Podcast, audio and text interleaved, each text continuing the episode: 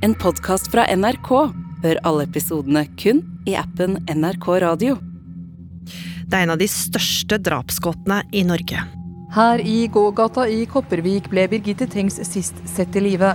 Hvem drepte Birgitte Tengs? I snart 30 år har saken splitta familier og et helt lokalsamfunn. Rykteflom og utrygghet har lagt en klam hånd over lokalsamfunnet rundt Kopervik. Vi kommer aldri til å glemme Birgitte. Nå starter rettssaken mot mannen som er tiltalt for å ha drept 17 år gamle Birgitte Tengs. Han er tiltalt for drap under særdeles skjerpende omstendigheter. Men det er ikke første gang noen har vært tiltalt for drapet. Og det mange lurer på nå, er om politiet endelig har tatt riktig mann. Du hører på Oppdatert. Jeg heter Gry Baby. I nesten 30 år så har drapet på Birgitte Tengs vært ei drapsgåte som ikke bare har prega lokalsamfunnet her på Karmøy og Haugesund og resten av Haugalandet, men hele nasjonen.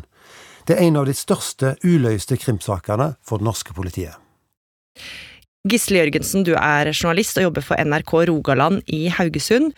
Og du har fulgt denne saken siden starten. Hvorfor har den fått så enormt med oppmerksomhet? Dette var jo et fryktelig brutalt eh, drap. Eh, I tillegg til at du ble voldtatt, så ble jo eh, slått i hodet med en stein. Og det er svært sjeldent at så unge jenter blir drept i Norge. Det skjer jo nesten aldri. Eh, her i Norge så er det jo ofte familierelatert. En ektefelle som blir drept, eller en far, en mor, eller, eller et barn. Så det at ei ung, 17 år gammel jente fra Bygde-Norge blir voldtatt og drept, det hører til sjeldenhetene. At saken i tillegg er uoppklart, gjør det enda mer spesielt. Ja, men for noen år siden så valgte politiet å se på saken på nytt. Ja, for i 2016 så valgte politiet å etablere ei gruppe som skulle jobbe med uløste krimsaker. Den såkalte Cold Case-gruppa. Politiet bestemte seg for at Birgitte Tengs-saken var den aller første de skulle se på. Og etter kort tid så konkluderte Cold Case-gruppa med at denne saken må bli etterforska på ny. I dag ble det klart at den nyoppretta cold case-enheten til Kripos skal gå gjennom saken på ny. Det er klart at vi eh, står foran en, en kjempeutfordring.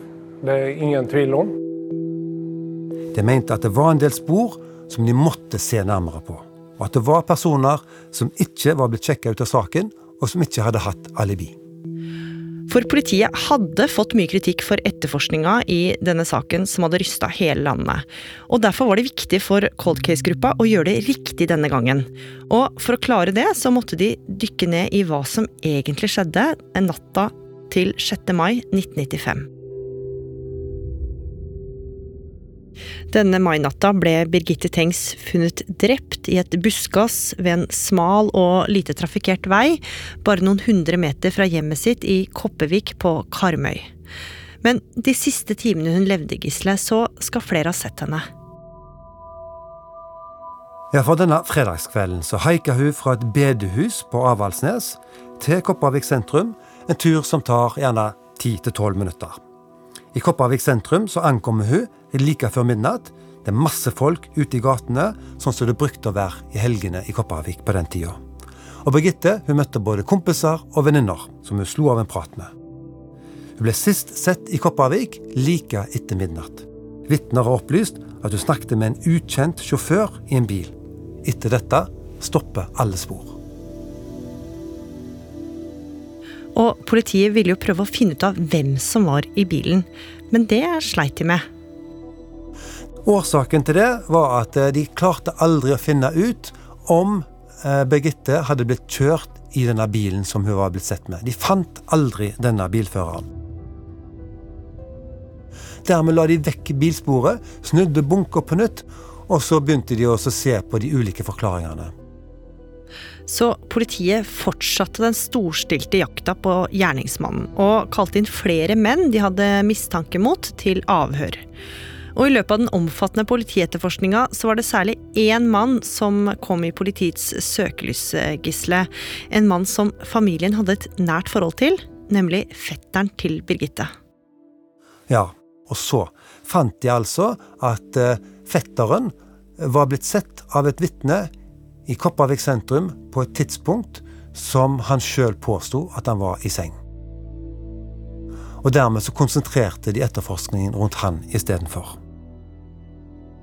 Ja, så nå retta politiet fokuset mot fetteren fordi han ikke hadde alibi.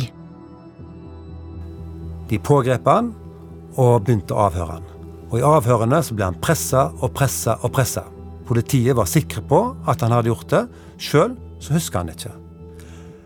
Men etter ei tid så tilsto han drapet. Men bare noen uker etterpå så trakk han tilståelsen sin. Likevel måtte han møte i tingretten tiltalt for drapet på sitt 17 år gamle søskenbarn. To år etter at hun ble drept. Da de fem dommerne i Karmsund herredsrett i dag enstemmig kjente fetteren skyldig i drapet på Birgitte Tengs, er begrunnelsen at den domfelte i sin tid tilsto drapet, og at retten ikke tror på at han var hjemme på det tidspunktet han sjøl har oppgitt. Retten tror på et øyenvitne som så tiltalte ute drapsnatta. Fetteren, som selv mente han var uskyldig, ble dømt til 14 års fengsel for drapet på Birgitte. Men det skulle ikke ta veldig lang tid før saken ble snudd på hodet. Etter nær sju uker i retten kan Forsvaret endelig smile nøyd. Klienten deres, Birgitte Tengs sin 21 år gamle fetter, er en frimann etter ett år og fire måneder i fengsel. Selv om fetteren ble frifunnet, så ble han dømt til å betale erstatning til familien til Birgitte.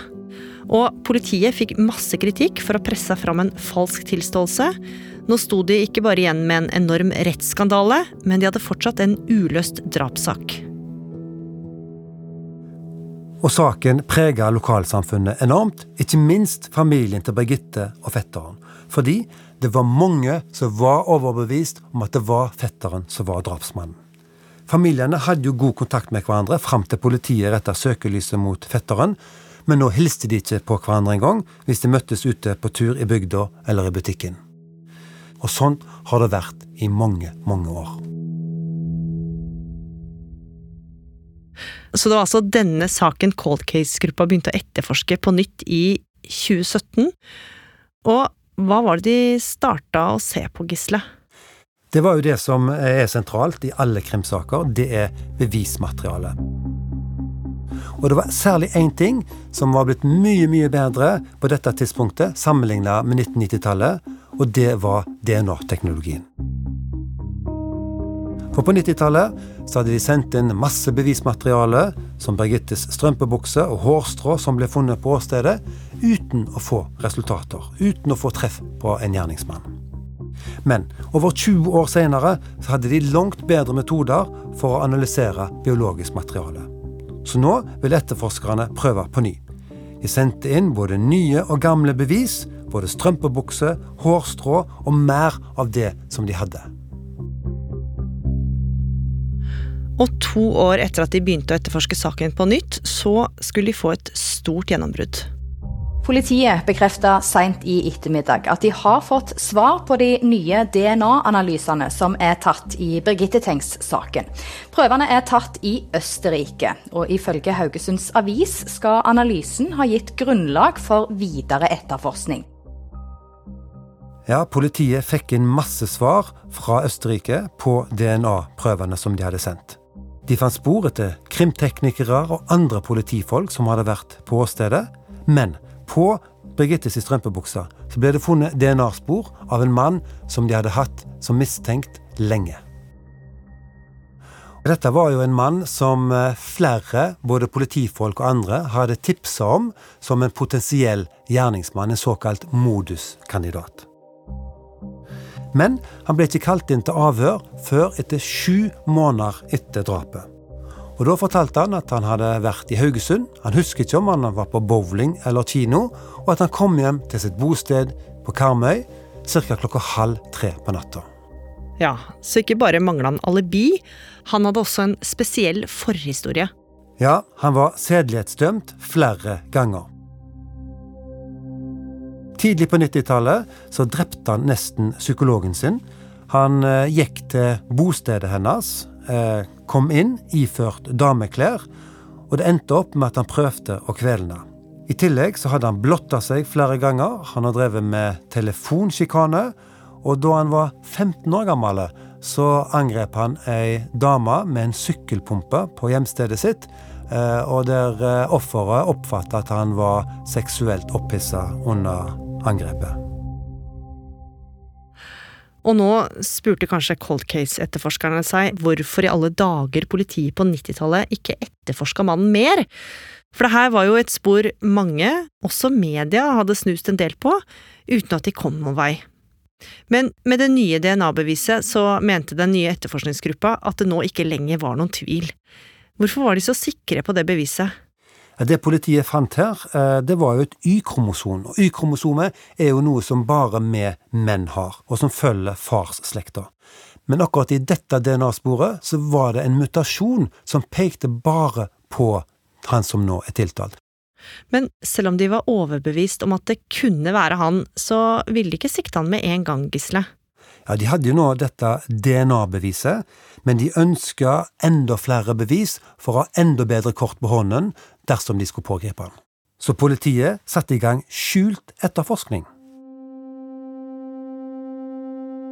De begynte å overvåke mannen og tok seg inn i huset hans da de visste at han ikke var hjemme, og begynte bl.a. å overvåke datamaskinen hans. For å få lov til å gjøre dette, så må de oppnevne en hemmelig forsvarer for mannen, en såkalt skyggeadvokat, som skal ivareta hans interesser uten at han vet det. Hva håpa de å få ut av det? Ja, de ønska jo å finne bevis for at det faktisk var han som hadde begått drapet. De ransaka huset hans fire ganger, de ransaka sjøboden og bobilen hans. I tillegg så planta politiet en sak om nye funn i saken i lokalaviser for å sjekke om han reagerte. Om han gikk inn på enkelte sider på datamaskinen sin, f.eks. da de slapp nyheten om at det var gjort nye funn i denne saken. Hva var tanken bak det, da? Det var jo om å se om han var ekstra interessert, eh, om han kanskje følte et press når det kom nyheter om at politiet hadde håp om å oppklare saken, og at de fortsatte etterforskning for fullt. Men han gjorde faktisk ingenting. Så det sporet, det førte ingen steds hen, men mannen selv hadde nå begynt å få mistanke om at det var noe spesielt på gang. Ja, fordi han hadde jo vært i medias søkelys ved ulike anledninger som en potensiell gjerningsmann i Birgitte Tengs-drapet. Og da han trodde at uh, han ble overvåka, så trodde han at det var et TV-team, for eksempel.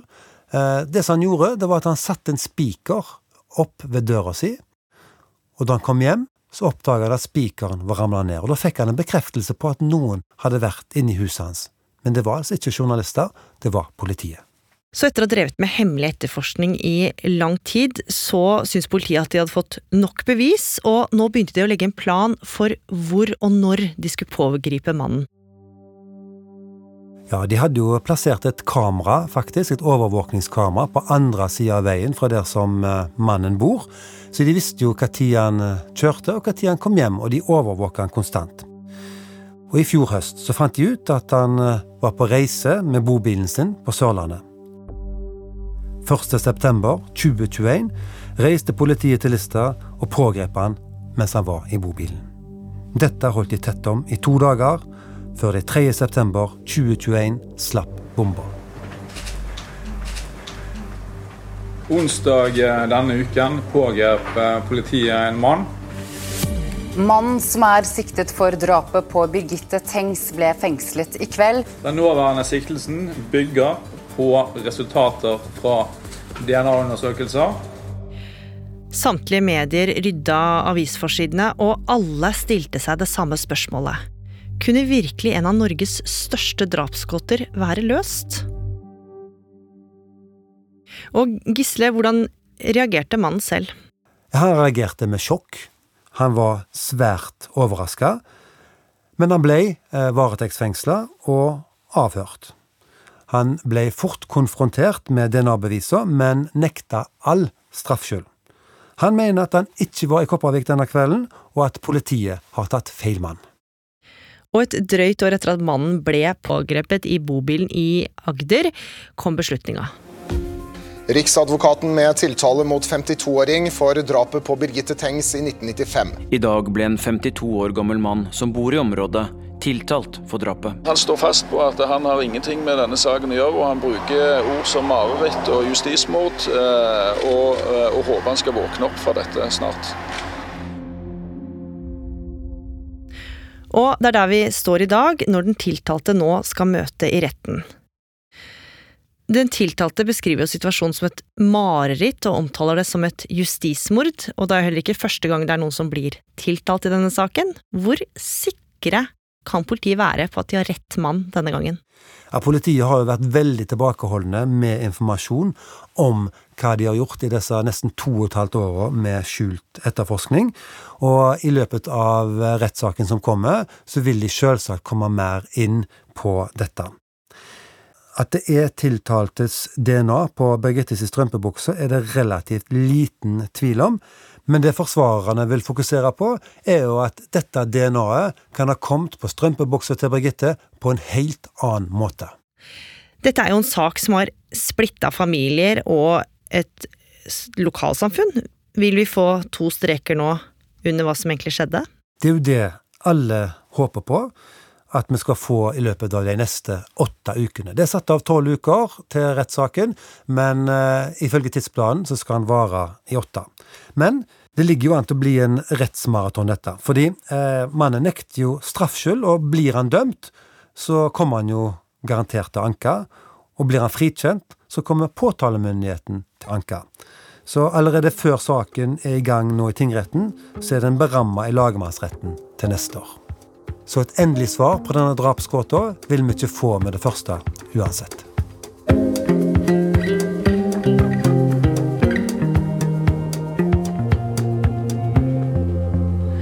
Oppdatert er en podkast fra NRK Nyheter. Og denne episoden den ble laga av oss.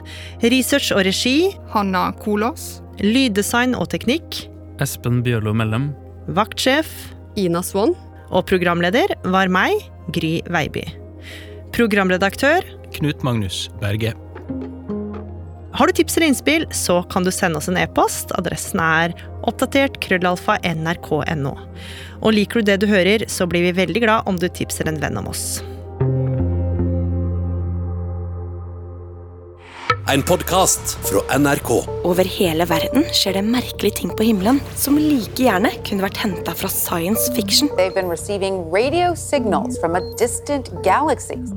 Ufo-observasjoner, konspirasjoner og hemmelighold. Hva i all verden er det som skjer der ute? Å, fy fader! Jeg filmer det! Jeg har det på tape! Jeg heter Line Elfsåshagen og jakter på det ukjente. Ukjent hører du kun i appen NRK Radio.